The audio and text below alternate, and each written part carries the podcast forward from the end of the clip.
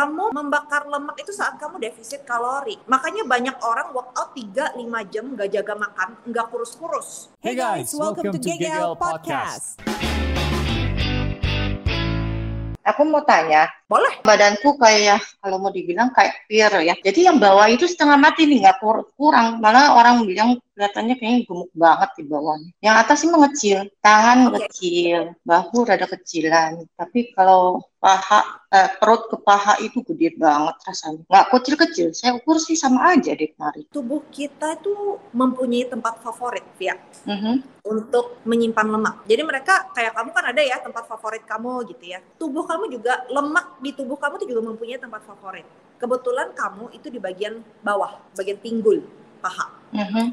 Itu bisa kecil tapi akan butuh waktu. Jadi kamu terusin aja nunggu giliran. Nanti udah pangkas, pangkas, pangkas di bagian atas.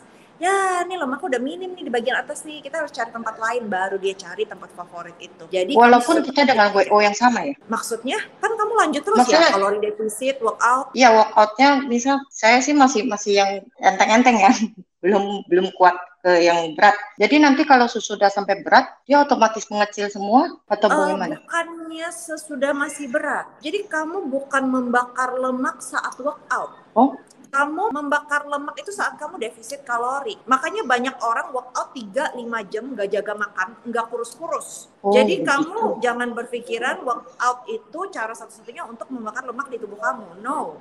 Workout itu kita pakai untuk meningkatkan massa otot di dalam tubuh untuk membakar lebih banyak kalori, Via. Kalau kamu mau fat loss, memangkas lemak, itu kamu harus defisit kalori. kadang itu ka- karbonya yang nggak bisa full terus Defisit kalori nggak?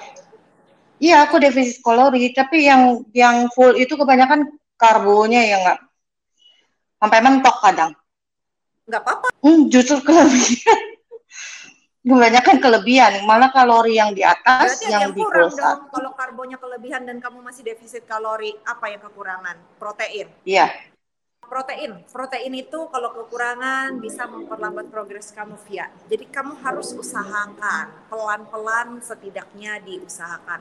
Hari ini cuma bisa makan 60 gram, pelan-pelan. Nanti udah Mhm. biasa makan 60 gram, ditingkatkan ke 70, 80 gram, ditingkatkan lagi. Kalau proteinnya suka kurang, apa yang terjadi progres kamu biasanya juga ikut lambat. Aku ganggu bentar ya.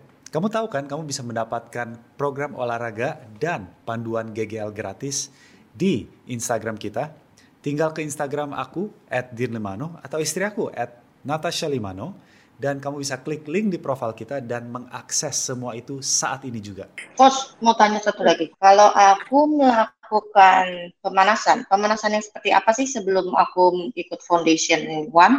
Oke, jadi pemanasan itu penting banget untuk mempersiapkan kamu melakukan olahraga hari itu.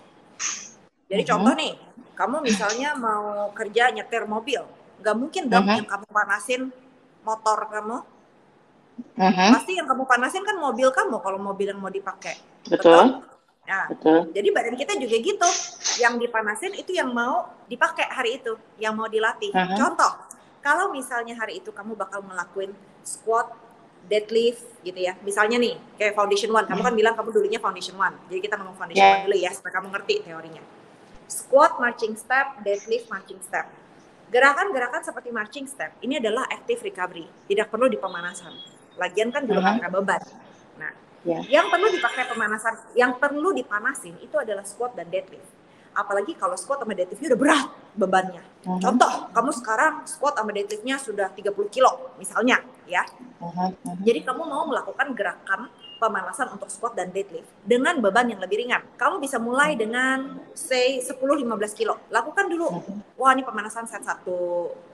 Tambah berat tentunya pemanasannya lebih lama ya. Tapi kalau misalnya 30 aja kita bilang set pertama pemanasan 15 kilo, kalau nggak 10 kilo. Set kedua pemanasan 20 kilo atau 20 lebih kilo, terserah. Nanti, oh oke, udah siap nih. Boleh mulai ke set olahraga benerannya. Di mana kamu memakai 30 kilo. Itu pemanasan. Sebelum kamu melakukan pemanasan-pemanasan squat dan deadlift, kalau kamu mau jogging 5 menit, jalan di tempat, jalan cepat, it's okay. Itu untuk meningkatkan detak jantung kamu, untuk panasin badan Mhm. baru kamu lakukan pemanasan untuk gerakan squat dan deadliftnya untuk manasin sendi-sendi kamu supaya otot-otot semua siap baru kamu masuk ke olahraganya Kalau misalnya hari itu push up ya kamu lakukan gerakan ringan untuk push up. Misalnya push upnya di lantai nih, mungkin kamu mau mulai di meja dulu, di kursi, baru kamu melakukan gerakan yang benarnya di lantai gitu.